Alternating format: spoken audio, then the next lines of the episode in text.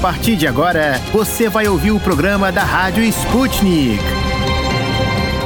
Olá, queridos ouvintes. Meu nome é Ana Liv Esteves e eu tô aqui com o meu colega Pablo Rodrigues para comandar mais um programa da Rádio Sputnik, diretamente de Moscou. Saudações, queridos ouvintes. É um prazer contar com a audiência de vocês no nosso programa desta quarta-feira, 19 de janeiro. E o nosso giro de notícias de hoje começa no Rio de Janeiro, onde o governo do estado iniciou nessa manhã uma operação para ocupar a comunidade do Jacarezinho, na zona norte carioca. De acordo com as autoridades, o objetivo da operação é implantar o programa Cidade Integrada, que seria uma versão nova do projeto das unidades de polícia pacificadora. O governador do Rio, Cláudio Castro, do PSC, escreveu em rede social que o programa Cidade Integrada está sendo gestado há meses e que a operação no Jacarezinho é, aspas, apenas o começo dessa mudança que vai muito além da segurança. Em entrevista à TV Globo, o porta-voz da Polícia Federal, Tenente Coronel Ivan Blas, disse que a vida na comunidade, aspas, tem seguido normalmente. A Polícia Militar ainda busca cumprir 42 mandados de prisão e 14 de busca e apreensão. E haja apreensão para os moradores da comunidade. No ano passado, Jacarezinho foi palco da operação policial mais letal da história do Rio de Janeiro, deixando 28 vítimas fatais. Vamos acompanhar com cuidado, caros ouvintes. E nos destaques internacionais, hoje, quarta-feira, dia 19 de janeiro, o presidente norte-americano Joe Biden deve fazer sua primeira coletiva de imprensa em 2022. O evento está agendado para começar às 18 horas do horário de Brasília, caros ouvintes. A coletiva é realizada um dia antes do Biden completar seu primeiro ano de mandato e deve cobrir os principais resultados de 2021 e os desafios dos Estados Estados Unidos para 2022. O presidente norte-americano tenta responder às críticas de falta de abertura da sua administração com a imprensa. Enquanto Biden lida com os jornalistas na Casa Branca, o seu secretário de Estado, Anthony Blinken, começa hoje uma série de encontros diplomáticos na Ucrânia e na Alemanha. O objetivo do líder da diplomacia norte-americana é continuar as discussões da semana passada sobre as propostas de segurança russas na Europa. Na agenda do Blinken estão reuniões na capital da Ucrânia, Kiev, com o presidente ucraniano Vladimir Zelensky e com o chanceler Dmitry Kuleba.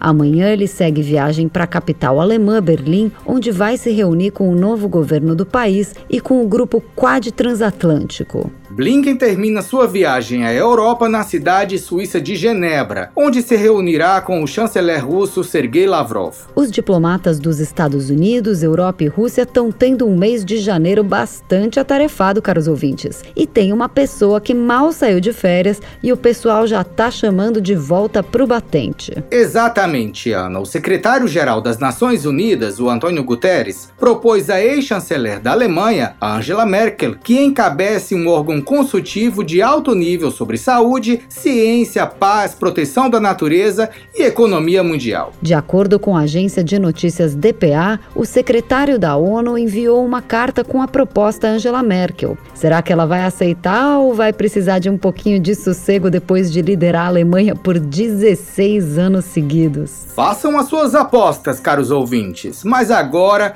vamos lá ver o que mais a gente preparou para vocês no nosso programa de hoje. E no programa de hoje. No Destrinchando a Charada Brasil, vamos falar do posicionamento político de policiais na internet. No Esqueceram de Mim em Portugal, vamos conhecer relatório que confirma que o número de pessoas em risco de pobreza aumentou no país lusófono. O Bombando no YouTube vai revelar o medo de companhias aéreas de operar nos Estados Unidos em meio à tecnologia 5G. No Destrinchando a Charada Internacional, vamos avaliar se o expressivo crescimento de 8,1% do PIB chinês em 2021 pode ou não se repetir em 2022.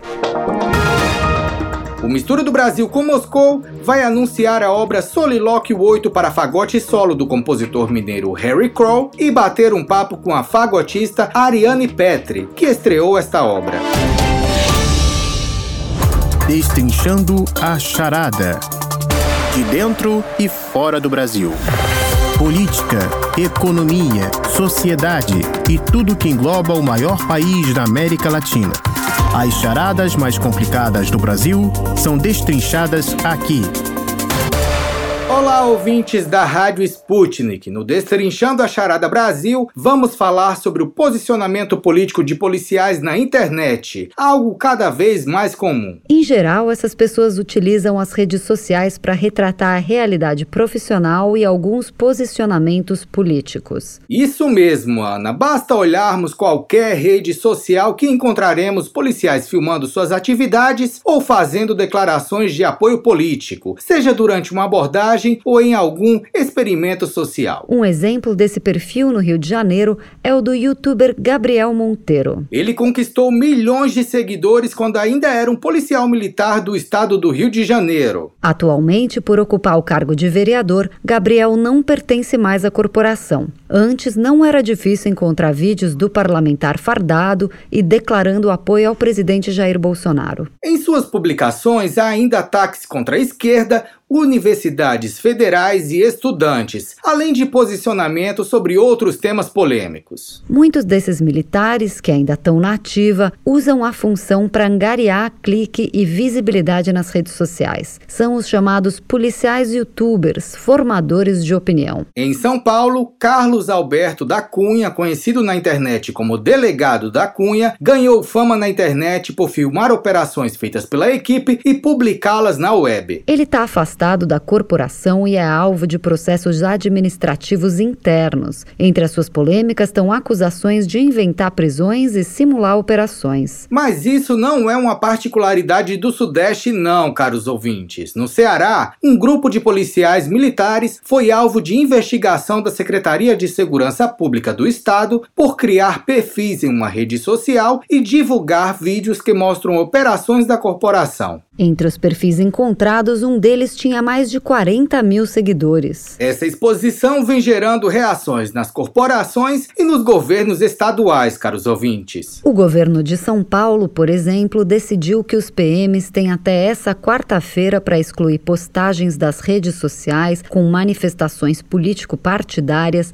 principalmente aquelas que usem símbolos, fardas e armas da corporação. Isso faz parte das novas regras de conduta que ainda proíbem a monetização de conteúdos que usem nomes e símbolos da PM. Para falar mais sobre esse tema, a gente convidou o especialista em segurança pública Vinícius Domingues Cavalcante. Vinícius, muito obrigado por conversar com a gente na Rádio Sputnik. Me diz uma coisa: esse movimento de policiais formadores de opinião é algo legítimo ou contrário à função? Bem, observando estritamente o que consta, acredito que a maioria dos regulamentos disciplinares militares e policiais, essa manifestação política seria condenável. Agora nós temos que olhar algumas coisas que são características da sociedade brasileira, características que a sociedade brasileira veio assumindo com o tempo dentro daquilo que se chama Estado Democrático de Direito. Nessas condições, faculta a praticamente todas as categorias manifestarem sua opinião, manifestarem descontentamento, procederem esse tipo de registro e de posicionamento político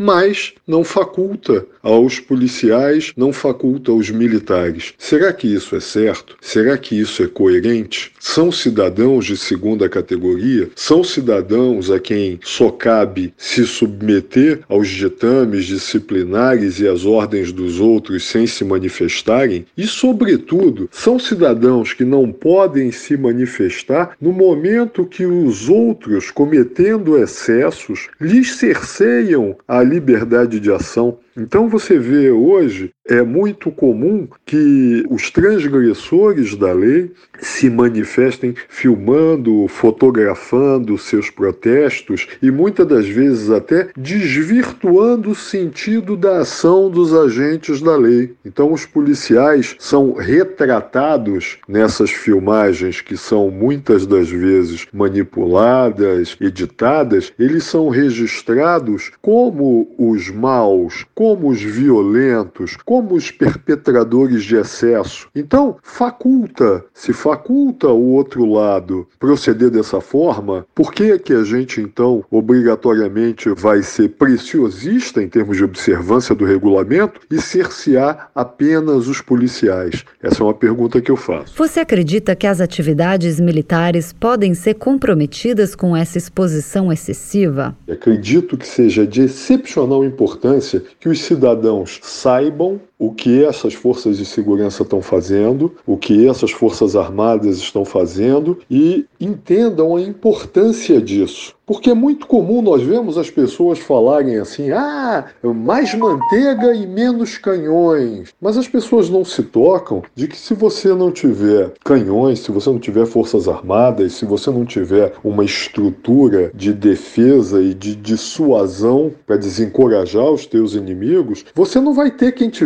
venda manteiga. O teu suprimento de manteiga não está assegurado. Ninguém vai fornecer a manteiga para você por questões de caráter humanitário. Então você precisa precisa ter forças armadas, você precisa ter segurança, você precisa ter polícia, porque, do contrário, o exercício das outras ou das demais liberdades pode vir a ser comprometido sem que você tenha quem lhe defenda. Então, essas atividades necessitam de exposição até para que as pessoas saibam por que, que elas existem. Por que, que a gente precisa gastar milhões num navio de guerra para patrulhar a plataforma continental? Por que, que a gente precisa ter aviões de caça. Nós não temos inimigos. Mas e se houver uma violação das nossas fronteiras? Como é que nós vamos conseguir reprimir? Como é que a gente vai conseguir se defender no caso de uma violação ou de uma violência perpetrada por outros? Então a gente precisa mostrar para as pessoas por que, que esses grupos são importantes. E essa exposição é importante para isso. Por outro lado,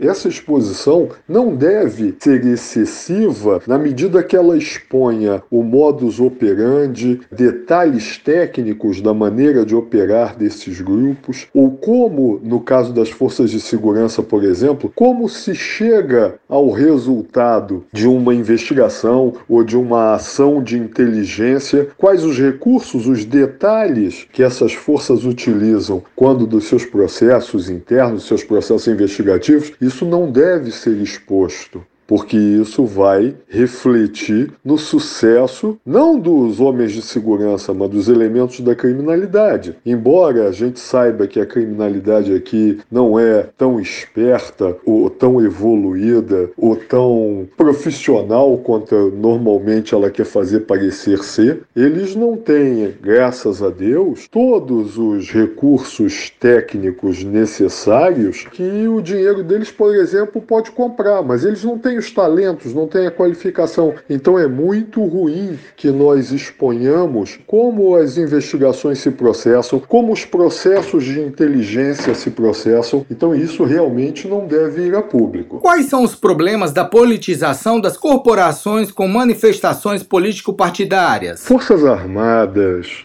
forças de segurança pública, são aqueles setores do poder do Estado que têm que ficar mantidos à margem da politicagem das ações do executivo governamental político. São setores que servem ao governo do dia, independentemente de questões de caráter político partidário, enfim, você a segurança, ela é a segurança do governo do dia. As Forças Armadas servem tanto tanto aos governos de esquerda quanto de direita. Os setores de inteligência, da mesma forma, eles estão voltados para a defesa do Estado, para ações de Estado e para a defesa do Estado frente aos inimigos externos e também aos inimigos internos. Aí, o que, que nós temos no Brasil? Esses três setores, tanto os setores militares, que também são estaduais, quanto os setores de segurança pública, de uma maneira geral, e até os setores de inteligência, eles passaram a ser subordinados irrestritamente aos políticos, aos governantes. E essa subordinação fez com que muitas pessoas no âmbito desses setores tenham esquecido que elas exercem funções que são funções de Estado e passassem a se portar como pessoas que servem àquele governo, mas que servem àquele governo de forma também a se servir dele. Então, nós tivemos setores que são eminentemente, que deveriam ser eminentemente apolíticos, no sentido de apartidários, e eles se passaram, passaram a ser os setores que servem àquele dirigente, àquele governante ou àquele partido. E isso, a gente viu nisso o crescimento da corrupção, a gente viu nisso o fato de que muitas das questões técnicas de Estado, né, técnicas das atividades deixaram de ter primazia para valorizar a vontade do governante, a vontade do gestor executivo. E isso a gente viu e viu muito. Viu em estados como o Rio de Janeiro, onde o governador corrupto que hoje está preso utilizou a máquina do Estado ao seu bel prazer, inclusive com a ajuda de Ministério Público, de Judiciário e das próprias forças de segurança. Então, hoje, o, o problema que nós estamos vivenciando hoje é um problema que tem fundamento nessa ideia, vamos dizer assim, que não é nada politicamente correta, de que a gente pode utilizar essas forças de segurança, essas forças militares, essas instituições de inteligência em benefício próprio ou em benefício de uma agenda política de um determinado grupo. Nesse cenário, quais são os impactos políticos e sociais da politização dos quartéis? Se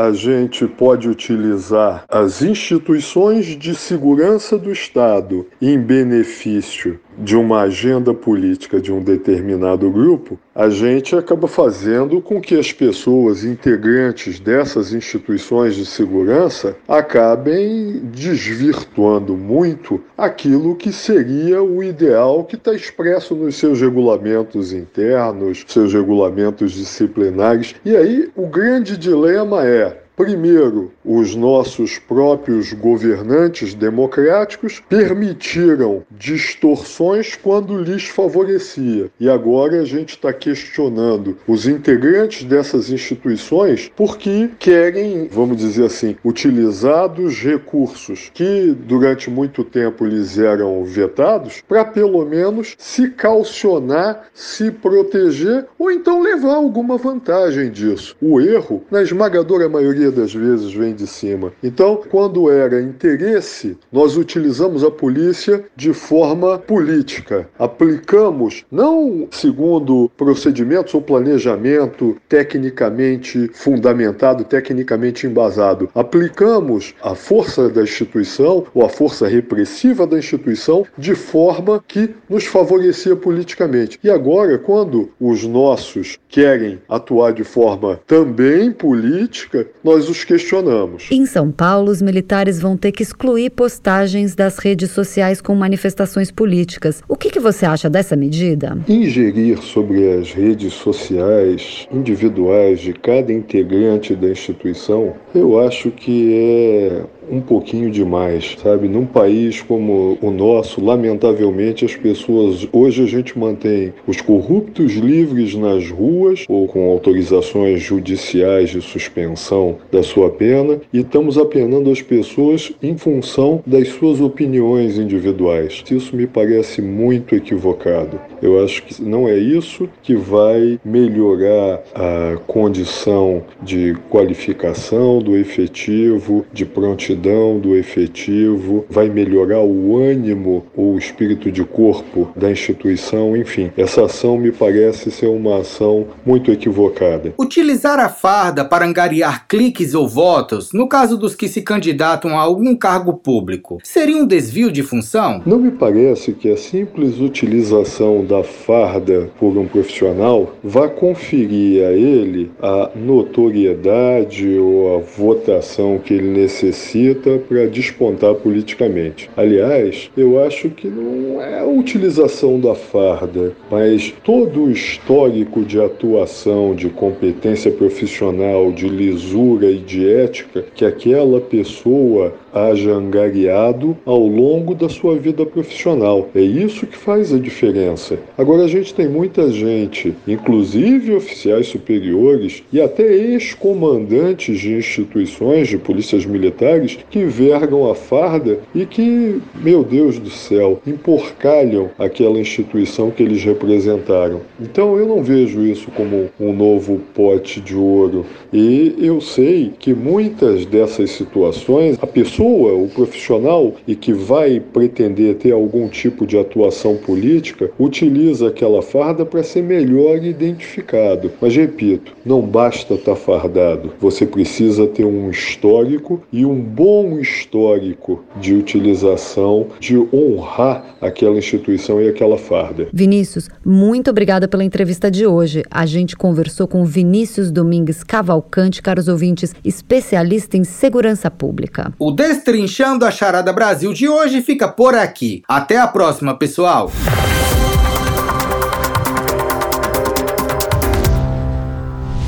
Esqueceram de mim em Portugal. Senhoras e senhores passageiros, apertem os cintos de segurança porque estamos prestes a decolar rumo a Portugal. A tripulação Sputnik Brasil deseja a todos uma ótima viagem.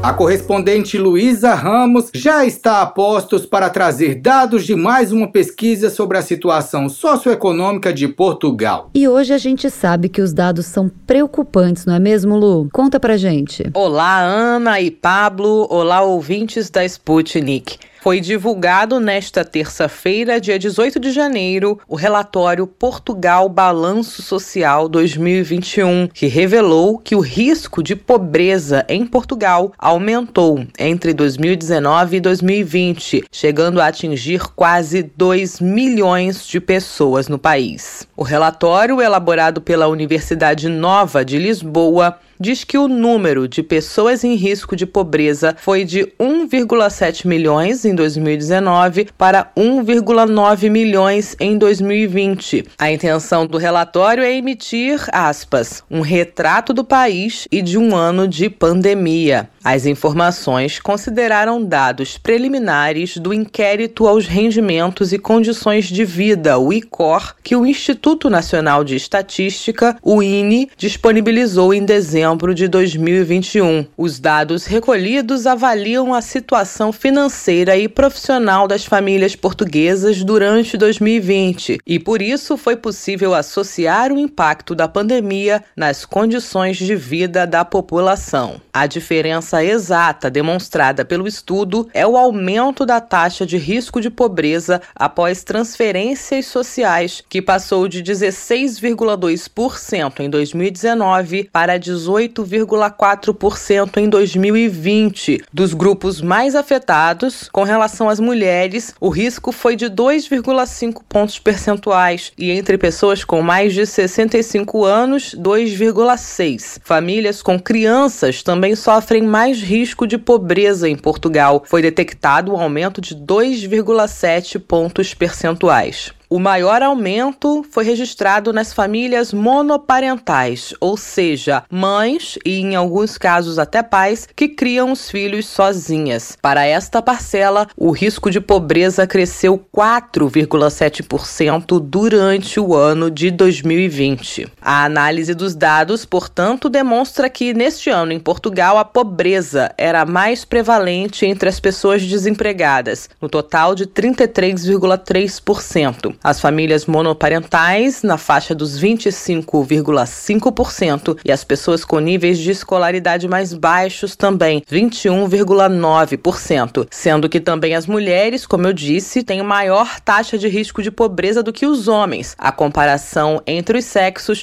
é de 16,7% para as mulheres contra 15,6% para os homens. Mais um grupo que preocupa também neste balanço social é a população população idosa portuguesa. A taxa de risco de pobreza dos idosos é de 17,5%, 2,3 pontos percentuais acima da média nacional. Em 2019, foram contabilizados 381 mil idosos na pobreza em Portugal. Outro dado que chama a atenção é que 25% dos mais ricos detinham em 2018 42% do rendimento do país, um valor que em 2019 subiu ainda mais para quase 46%. Tudo isso mostra que a desigualdade social não acomete só o Brasil e países em desenvolvimento. É, estimados ouvintes, dados negativos por hoje, mais importantes de serem divulgados. Amanhã eu volto com mais informações. Até lá. A ONU chegou até mesmo a falar em catástrofe geracional sobre as desigualdades, fome e pobreza no mundo acentuadas pela crise sanitária. Triste realidade de desigualdade desencadeada pela crise que se tornou humanitária. Luísa, a gente agradece muito por você ter trazido esse assunto à tona. Luísa, um abraço para você e até mais. Bombando no YouTube. Curtidas e mais curtidas da Rússia ao Brasil. Confira com a Rádio Sputnik os vídeos que receberam mais likes e visualizações e estão no topo do YouTube. E fique por dentro do que está sendo filmado por amadores ou profissionais pelo mundo afora.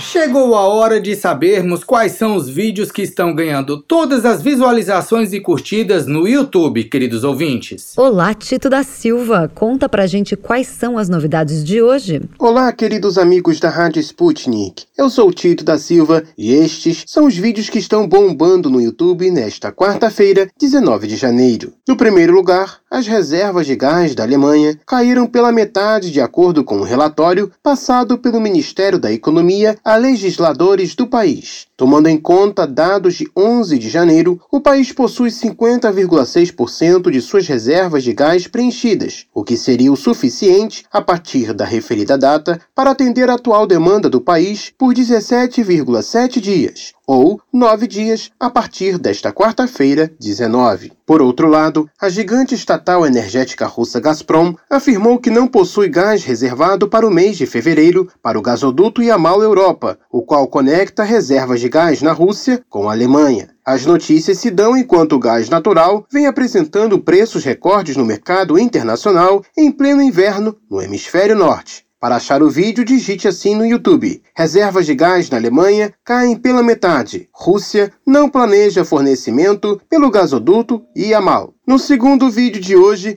diversas companhias aéreas cancelaram voos para os Estados Unidos por temores de interferência em suas aeronaves no sistema de conexão 5G. O cancelamento de voos começou nesta quarta-feira e foi adotado por companhias como a Emirates e a Air India. As companhias evitaram operações nos aeroportos de Nova York, Nova Jersey, São Francisco e outras cidades dos Estados Unidos. O temor é que a interferência de aparelhos de tecnologia 5G em banda C, localizados próximo ou na área dos aeroportos, possa atrapalhar o funcionamento de rádios altímetros presentes nas aeronaves. Para ver o vídeo, digite assim: Companhias aéreas cancelam voos nos Estados Unidos por causa do 5G. No terceiro vídeo de hoje, pela primeira vez nos Estados Unidos, um acidente fatal envolvendo a condução automática de um carro da Tesla acabou gerando acusações judiciais contra o motorista. Ainda em 2019, um motorista de 27 anos estava no comando de um veículo Model S da Tesla quando acionou seu autopiloto em Los Angeles. Contudo, viajando em alta velocidade, o autopiloto não identificou o sinal vermelho de um semáforo e acabou se chocando com outro veículo, no qual duas pessoas morreram na batida. Agora, promotores da Califórnia protocolaram acusações de homicídio em direção veicular contra o motorista que responde em liberdade. Para ouvir maiores detalhes, é só digitar. Pela primeira vez, motorista é acusado de homicídio em direção veicular envolvendo autopiloto nos Estados Unidos. E no quarto vídeo de hoje, o canal Nerd Show fez uma nova lista de coisas que são proibidas aos funcionários da Rede Globo. Você já deve ter reparado que os jornalistas âncoras da emissora sempre estão de terno. Pois bem, esta é uma exigência da emissora que pretende, através do terno, transmitir seriedade do trabalho jornalístico. Contudo, a emissora também também aplica regras de conduta a seus jornalistas, inclusive no uso das redes sociais. De acordo com o canal Nerd Show, é proibido aos jornalistas protagonizarem discussões e brigas no espaço virtual ou se envolverem em situações que manchem sua imagem, o que poderia acabar danificando a imagem da própria emissora. E o quinto vídeo de hoje é para os amantes da aviação e que tem espírito investigativo. Muita gente ainda se lembra do voo 370 da Malaysia Airlines, que desapareceu enquanto seguia da Malásia para a China. Contudo, um caso semelhante aconteceu justamente com a aviação brasileira quando o voo 967 da Varig desapareceu em 1979. Desde então, tentar entender o desaparecimento do voo trouxe teorias de conspiração, possibilidade de falhas técnicas e até mesmo um provável sequestro para roubar uma carga com valor superior a um milhão de dólares no avião. E por hoje é tudo, pessoal. Até mais. Tito, muito obrigado pelo top 5 do YouTube de hoje. Até mais.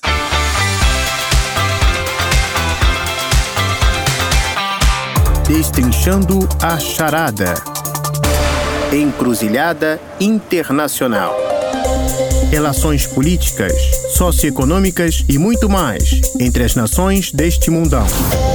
Da Rússia aos Estados Unidos. Encontre com a gente as respostas às perguntas do momento. Estimados ouvintes, no nosso Destrinchando a Charada Internacional de hoje, vamos destacar a boa maré econômica da China em 2021. Afinal, a economia chinesa chegou a impressionantes 8,1% de crescimento do produto interno bruto no ano passado, conforme noticiado nesta segunda-feira, 17 de janeiro, pelo Escritório Nacional de Estatísticas do país asiático. A grande aceleração vem após um 2020 mais discreto, no qual o PIB chinês aumentou em apenas 2,2%. Somente a produção industrial da China avançou de 3,8% em novembro para 4,3% em dezembro do ano passado, na comparação anual do órgão, superando as previsões dos analistas, caros ouvintes. As vendas no varejo, que é um elemento chave do consumo chinês, também ficaram em alta em 2021, assim como o investimento em ativo fixo, isso é, infraestrutura, propriedade e manufatura. No entanto, a atividade econômica da China sinalizou uma baixa em dezembro, provavelmente por conta do surto da variante Omicron do coronavírus e por uma desaceleração imobiliária, embora a indústria tenha mantido a força. Mesmo com a recuperação em vários setores e o PIB em alta, a dúvida dos economistas agora é se essa boa maré econômica chinesa vai se repetir em 2022. Para avaliarmos a questão, entrevistamos hoje Roberto Dumas, professor de economia chinesa no INSPER, Instituto de Ensino e Pesquisa de São Paulo. Seja bem-vindo, professor. Roberto Dumas, muito obrigada pela sua presença no nosso programa. Bom, a gente quer saber o que fez alavancar a economia do gigante asiático em 2021, mesmo com a pandemia ainda entre nós. Grande parte desse crescimento veio das exportações. Por exemplo, a gente pode pensar, não, mas espera um pouquinho, o consumo doméstico não ajudou? Ajudou. Investimento não ajudou? O investimento ajudou muito. Mas depois da crise da Evergrande, os investimentos, por exemplo, se você pegar investimento imobiliário em dezembro, ele caiu 14% comparado com dezembro do ano anterior. Então, o que puxou mesmo o crescimento ao longo do ano, além de grande parte um investimento, obviamente, mas foram as exportações. Por que as exportações? Porque com o mundo em pandemia, quer queira, quer não, você precisa de muito mais ofertas uh, medical supplies, que nem a gente fala, e equipamentos eletrônicos. Você fala, para que eu vou precisar de parques eletrônicos? Veja, o Brasil e o mundo começaram o quê? A aprender a trabalhar em home office. Então, você precisa de laptop, você precisa de chips, você precisa precisa modular toda a tua casa para poder trabalhar com 4G, etc., com roteador. E todos esses equipamentos, de certa maneira, é claro, a maior parte dos insumos vem de Taiwan, vem da Coreia, vem do Japão, mas eles são formados, formatados na China, né? Eles fazem a montagem lá. Você teve esse crescimento de 8,1%, só que tem um problema aí. Esse crescimento foi muito bom, obrigado, mas não deve se repetir 2022. Então já podemos dizer que o aquecimento da economia chinesa de 2021 vai esfriar em 2022? É tão fático que nós esperamos, que a economia chinesa já não está tão aquecida como esteve em 2021, que agora, essa semana, semana que acabou aqui agora, o People's Bank of China, o Banco Central Chinês, já está cortando taxa de juros para empréstimo. Ou seja, é praticamente o único banco central que está fazendo uma política monetária expansionista no momento da inflação mundial está subindo. Então, a China já está sentindo que o crescimento dela para 2022 vai ser, entre aspas, né? Tudo é relativo na China, longe. Vai ser longe do que aconteceu em 2021. 2021 foi 8,1%. 2022 eles estão esperando 4,5% a 5%. Veja, tem problema 4,5 a 5? Não, não tem problema, mas isso vai acabar aumentando um pouco o desemprego e pode suscitar mais tensão social, principalmente com o problema ainda não resolvido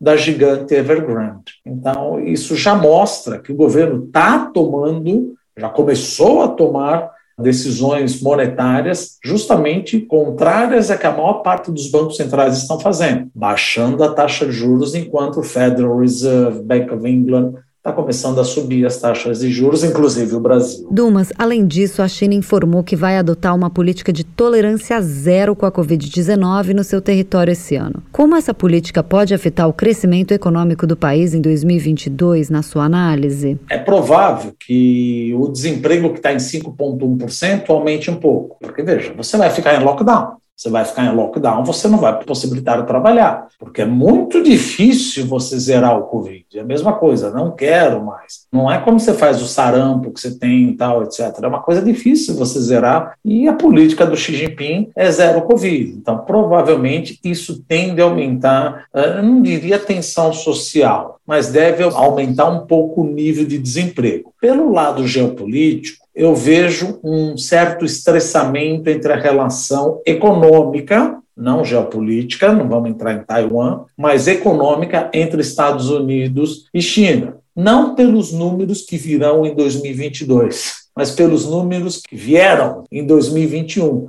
Ou seja, o déficit com os Estados Unidos aumentou muito. Então, bem provável que Joe Biden vai querer levantar novas rusgas e botar mais uma vez em questão eventual, né, mal práticas, mas não de mercado para ter toda essa competitividade chinesa. Então, resumindo, o que, que eu vejo para 2022? Um crescimento do desemprego na China e uma deterioração das relações econômicas entre China e Estados Unidos, porque o superávit chinês em relação aos Estados Unidos subiu muito em 2021, que era justamente isso. Não vou falar de Trump ou desse ou daquele, que o Estado, né, que os Estados Unidos não queriam que acontecesse. Pois é, aconteceu. Então, provavelmente eles vão virar a bateria para esse tópico aí de superávit comercial em relação à China. E o caso da Evergrande, professor? Poderia detalhar como este caso afeta a economia da China de maneira mais intensa esse ano? Porque a crise da Evergrande não pegou o ano de 2021 cheio. Agora, a crise no setor de ativos imobiliários está pegando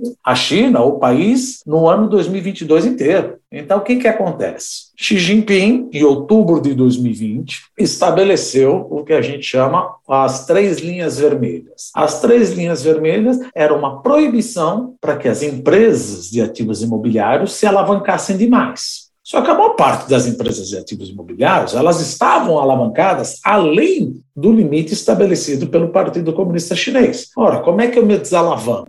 Eu paro de tomar dívida. Sim, mas eu já tomei dívida. Bom, então uma maneira que eu tenho que fazer é pagar a dívida que eu tenho. Como é que eu vou pagar a dívida que eu tenho se eu não tenho caixa? Aí é uma decisão financeira. Já sei, vou vender os meus estoques. Então, a maioria das empresas, principalmente a Evergrande, começou a vender os estoques que tinham. O preço das casas e dos imóveis cai. Você corre mais rápido para tentar vender. Então, o que, que a população chinesa fala? Como nós estamos numa tendência de queda de preço, eu não vou comprar. Como você está numa tendência de queda de preço e super oferta, o que, que as empresas falam? Então também não vou produzir. Então você já espera que o setor imobiliário não vai ser tão benéfico com o crescimento econômico da China como foi no ano 2020 e 2021. Roberto Dumas, como o Brasil pode ser envolvido nessa dinâmica chinesa com relação às exportações e tecnologia 5G? A previsão de redução do crescimento da economia da China pode afetar o nosso país também? Isso é um ponto positivo ou negativo para o Brasil? Veja, nós vamos continuar exportando minério de ferro.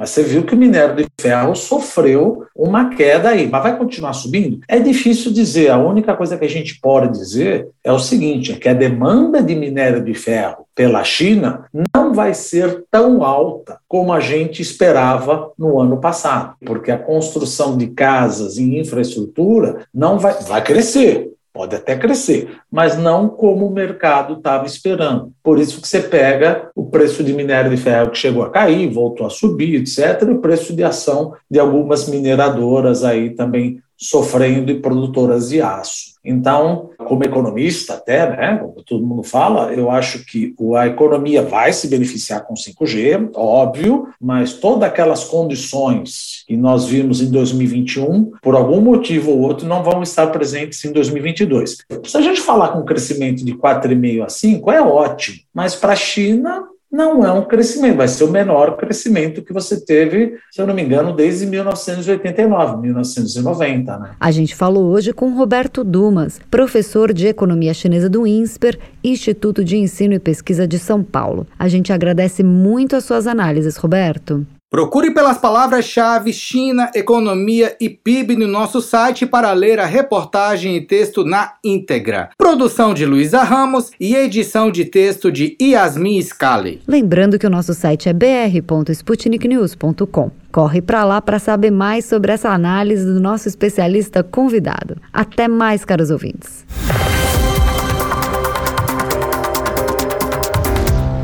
Mistura do Brasil com Moscou. A mistura agora é com a Rússia e a coreografia já está pronta. Com os gingados russos e brasileiros, as relações estão em sintonia entre estes dois gigantes. Parceria com o projeto Música Rara Brasileira, a Rádio Sputnik tem o prazer de anunciar a obra Solilóquio 8 para fagote solo do compositor mineiro Harry Crow. Para ficarmos por dentro de todos os detalhes desta composição, vamos bater um papo com a fagotista Ariane Petri, que estreou esta obra. Olá, Ariane, saiba que é uma honra contar com a sua presença aqui na Rádio Sputnik. Poderia contar um pouco sobre você para os nossos ouvintes? Olá a todos os ouvintes da Rádio Sputnik. Eu primeiramente gostaria de agradecer o convite. É realmente um prazer muito grande poder colaborar com o projeto Música Rara Brasileira. E eu sou Ariane Petri, fagotista atuando no Rio de Janeiro. Eu sou fagotista da Petrobras Sinfônica e do Teatro Municipal do Rio de Janeiro. Em paralelo, eu curso o doutorado em música da UFRJ, Federal do Rio de Janeiro. E através de uma bolsa da CAPES, neste exato momento, eu me encontro na Áustria, na cidade de Graz Aqui eu estou tendo a possibilidade de passar um período de seis meses na Kunstuniversität Graz, que é a Universidade de Artes aqui da cidade, para fazer essa vivência no exterior, completando o meu doutorado. Que interessante, Ariane. E em relação à composição Solilóquio 8, como que essa obra do Harry Crow é dividida? A peça de Harry Crow, a Solilóquio 8, é justamente uma peça para fagote solo, né? Solo sem acompanhamento, como essa série do solilóquio sugere. Quem fala sozinho. E uma primeira surpresa quando a gente abre a partitura é que boa parte da obra é escrita sem indicação de barras de compassos ou de fórmulas de compasso. Então, ela meio que flutua. A minha sensação foi essa. Ela tem quatro grandes partes que são tranquilo, que começa bastante lentamente, semínima 60, 65, com valores bem grandes, semínimas, mínimas. Então você tem muito tempo para curtir e trabalhar ali a sonoridade de notas longas. Depois segue uma parte um pouco mais movida que chega num jocoso, ali sim tem muito mais movimentação e ao final da peça temos novamente um meditativo, mais lento ainda do que o início, mas com algumas partes que parecem ser reminiscências daquele início, né? Aquelas notas longas, com pouca movimentação, intervalos muito pequenos, mas isso em forma de reminiscência, depois passa a ser mais ágil e até vem uma parte que o fagote sobe bastante, essas notas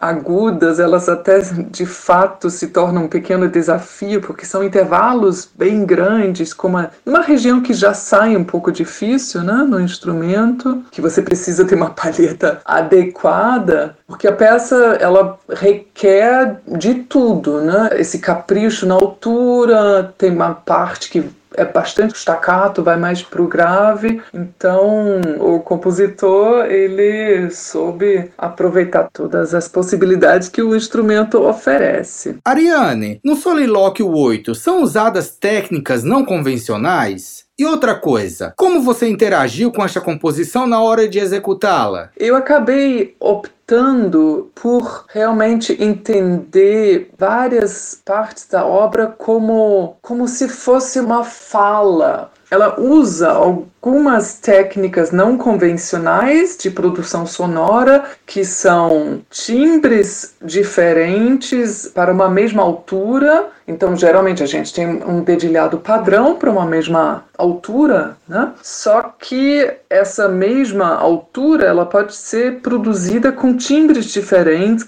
Por exemplo, a nota pode soar mais brilhante ou mais apagada se eu mudar o dedilhado. Isso o Harry Crowley ele fez bastante uso. Isso é uma das técnicas não convencionais. Uma outra são os multifônicos mesmo. O multifônico sempre nos oferece um acorde, uma acumulação de várias alturas, o que não se espera tanto num instrumento de sopro, mas nos instrumentos de palheta isso resulta até numa riqueza bastante grande de acordes e o Harry Crowley acaba sugerindo primeiro esse multifônico e por várias vezes ele isola depois algumas dessas notas que estão contidas nesse acorde e fica ainda trabalhando essas mesmas notas. Isso é um efeito bastante interessante, né? E por fim existe o terceiro uso não tão convencional do fagote que é um efeito que cria um, como se fosse acelerando ou desacelerando em cima de uma mesma nota repetida em staccato, como se eu estivesse falando ta ta ta ta ta ta ta ta ta ta ta ta ou ta ta ta ta ta não, eu não posso mudar de altura ta ta ta ta ta ta ta ta ta ta ta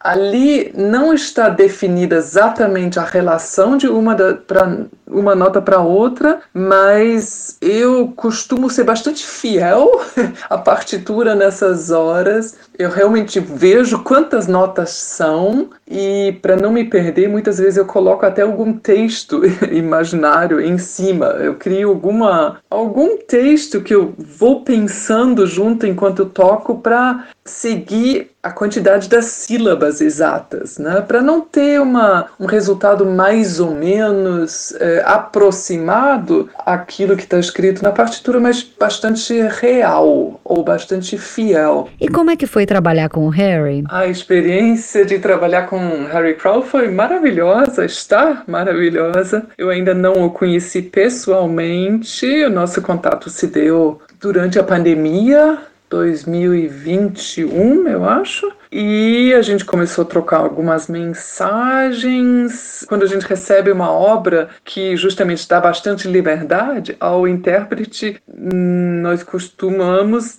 ter usar essa possibilidade de conversar e tirar dúvidas ou procurar esclarecer alguns detalhes com o compositor, né? Isso é a grande vantagem da música contemporânea. O Harry me contou também que ele estava envolvido num projeto muito bonito que foi realizado há pouco tempo em Munique, na Alemanha, uma composição colaborativa de compositores e compositoras de todos os continentes, cada um compondo uma parte para uma obra com coro e alguns instrumentos. Se a pandemia tivesse permitido, eu teria procurado ir lá assistir essa obra tão particular e conhecer o Harry Crowell pessoalmente, mas não foi possível nem para mim nem para ele. A gente ainda está vivendo essas restrições. Ariane, pode ter certeza que não vão faltar oportunidades de se encontrar com o Harry. Eu também estou na fila, eu quero muito conhecer esse compositor. Ariane, sabemos que Harry Crow dedicou o Solilóquio 8 para você. Me diz uma coisa, qual é a sensação de receber uma obra com dedicatória? Pois é, essa é uma ótima pergunta. Quando a gente recebe uma dedicatória, isso, ao mesmo tempo, é uma grande honra, porque o compositor, a compositora, nos escolheu para estrear, para trabalhar uma obra uma primeira vez, para colocá-la à luz, aos ouvidos dos de quem aprecia, mas além da honra é uma responsabilidade, né? Porque sim, justamente está nas suas mãos. Então, o primeiro desafio costuma ser encontrar uma possibilidade, uma oportunidade de inserir essa obra numa programação. E ultimamente, até mesmo antes da pandemia, pelo menos no Rio de Janeiro, as, a música de câmara, que seria o, o espaço ideal para incluir uma obra solo, ela vem sofrendo um tanto de sucateamento, os espaços estão recebendo muito menos verba do que antes, várias séries foram descontinuadas, paradas, na verdade. Então, quando eu recebo uma obra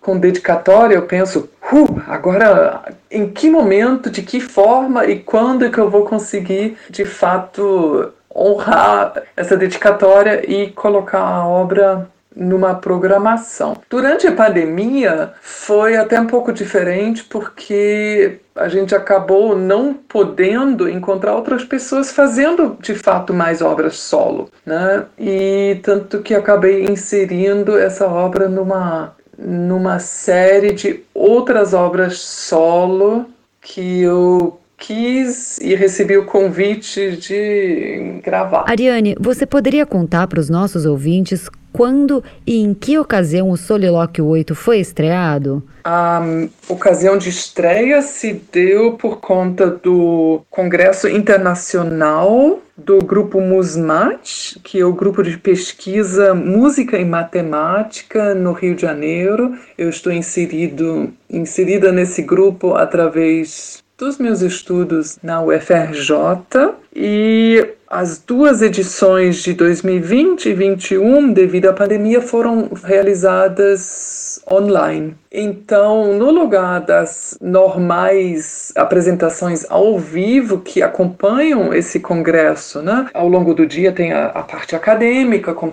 palestras, mesas redondas, discussões, apresentações de artigos e tudo, mas à noite costuma ter concertos ao vivo, costumava ter concertos ao vivo. Esses foram substituídos por gravações. Eu fui convidada pelos organizadores para realizar as obras da chamada pública, chamada de obras para fagote solo, ou eu tive essa possibilidade de completar com outras obras que eu também queria gravar. Como eu tinha recebido a obra do Harry no ano passado, procurando ainda pela oportunidade, pela correta e mais adequada de estrear a obra, eu acabei inserindo a obra nesse congresso, sendo ela uma de outras de dez obras no total que eu gravei em para esse congresso em 2021. Ele se deu em outubro do ano passado, dia 18 a 22 de outubro. Um pouco antes a gente acabou resolvendo subir a gravação no, no canal que o Harry tem, então ela já estava disponível, mas assim, aquela primeira vez com público se deu mesmo online durante o Congresso. E há mais estreias em vista? Talvez o lançamento de outras composições ou apresentações em concertos? Antes de pensar em gravar mais obras ou estrear mais obras, eu preciso realmente voltar para o Brasil, retomar minhas atividades locais. A lista das obras que eu ainda quero estrear, tocar, gravar, às vezes gravar melhor do que já estão gravadas ou registradas, é grande. Eu me dedico ao corpus das obras solo de compositores brasileiros desde meu mestrado de 99 que eu fiz na Unirio, no Rio de Janeiro, e nessa dissertação eu pesquisei, reuni e analisei as 36 obras que eu consegui juntar naquele momento obras sem acompanhamento para fagote de compositores brasileiros ou morando em solo brasileiro. E isso foi uma pesquisa muito rica que me acompanha até hoje, porque é, obviamente esse corpus só cresceu, ele agora se ele tem mais de 60 obras. Algumas dessas eu ainda não toquei. É, Algumas estão dedicadas a mim, eu preciso ainda honrar essa dedicatória e gravá-las.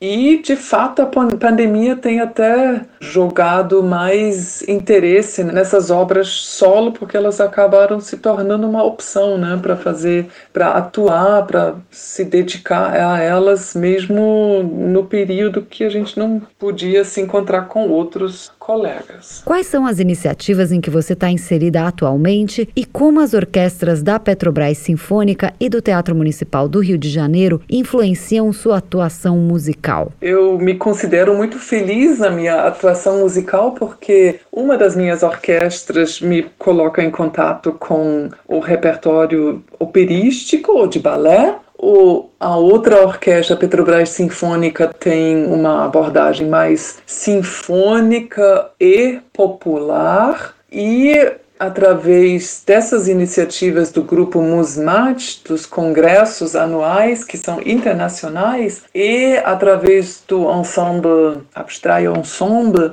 que tem no seu líder o saxofonista e professor universitário Pedro Bittencourt, eu estou inserida na raiz, na fonte da música contemporânea. E isso é uma, para mim, é uma tarefa muito querida porque acho muito rico poder estar em contato com os, os compositores, os, as compositoras e as, os criadores diretamente e pretendo cada vez mais colocar minhas energias nisso. Tivemos o prazer de bater um papo com Ariana Petri, que é fagotista da Petrobras Sinfônica e do Teatro Municipal do Rio de Janeiro e doutoranda em música na UFRJ. Ariane, muitíssimo obrigado. Então eu gostaria de agradecer à Rádio Sputnik pelo interesse e ao Harry Crowell por essa maravilhosa obra e a possibilidade de tê-la no meu repertório torço por mais oportunidades de tocá-la, como as outras obras também. Eu ainda esqueci de mencionar até que eu tinha, entre as obras que eu gravei no último congresso, tinha até uma obra de um aluno do Harry na mesma universidade também, que é o Louis Stellfeld, que foi uma obra extremamente interessante também.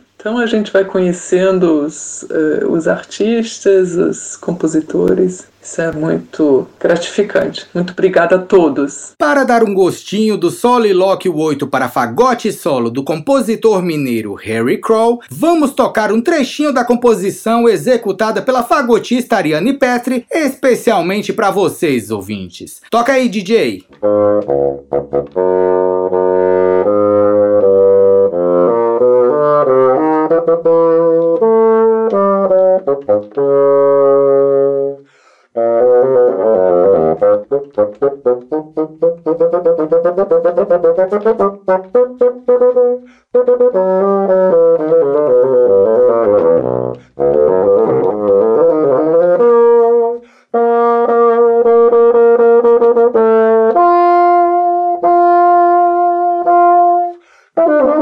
quiser ouvir a obra Soliloquio 8 para fagote solo do compositor mineiro Harry Crow, com execução da fagotista Ariane Petri, basta entrar a partir das 15 horas da sexta-feira, dia 21 de janeiro, no canal do Zenon Instituto Cultural no YouTube. Desejamos um ótimo concerto para todos vocês, ouvintes, repleto de música rara brasileira.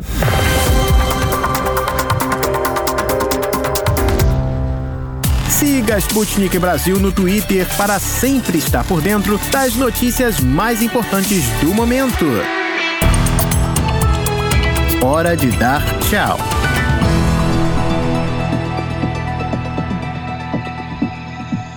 O programa desta quarta-feira, 19 de janeiro, está chegando ao fim, estimados ouvintes. Muito obrigado por passar essa horinha diária com a gente. Nós daqui de Moscou e vocês dos quatro cantos do mundo. Quem quiser permanecer ligado na Sputnik Brasil, basta entrar no nosso site br.sputniknews.com para conferir todas as nossas notícias do momento. Se a pegada de vocês é multimídia, então o canal da Sputnik Brasil no YouTube é a parada certa. Não param de ser adicionados vídeos novos sobre temas que englobam o Brasil e o resto do mundo. Um abraço, queridos ouvintes, e até mais. O programa da Rádio Sputnik teve apresentação, produção e edição de texto de Ana Liv Esteves e Pablo Rodrigues, e produção de conteúdos e edição de texto de Francine Augusto, Luísa Ramos e Tito da Silva. A edição e a montagem do programa programa são do Wellington Vieira e do David Costa. O editor-chefe da redação da Sputnik Brasil no Rio de Janeiro é o Renan Lúcio e em Moscou, Konstantin Kuznetsov.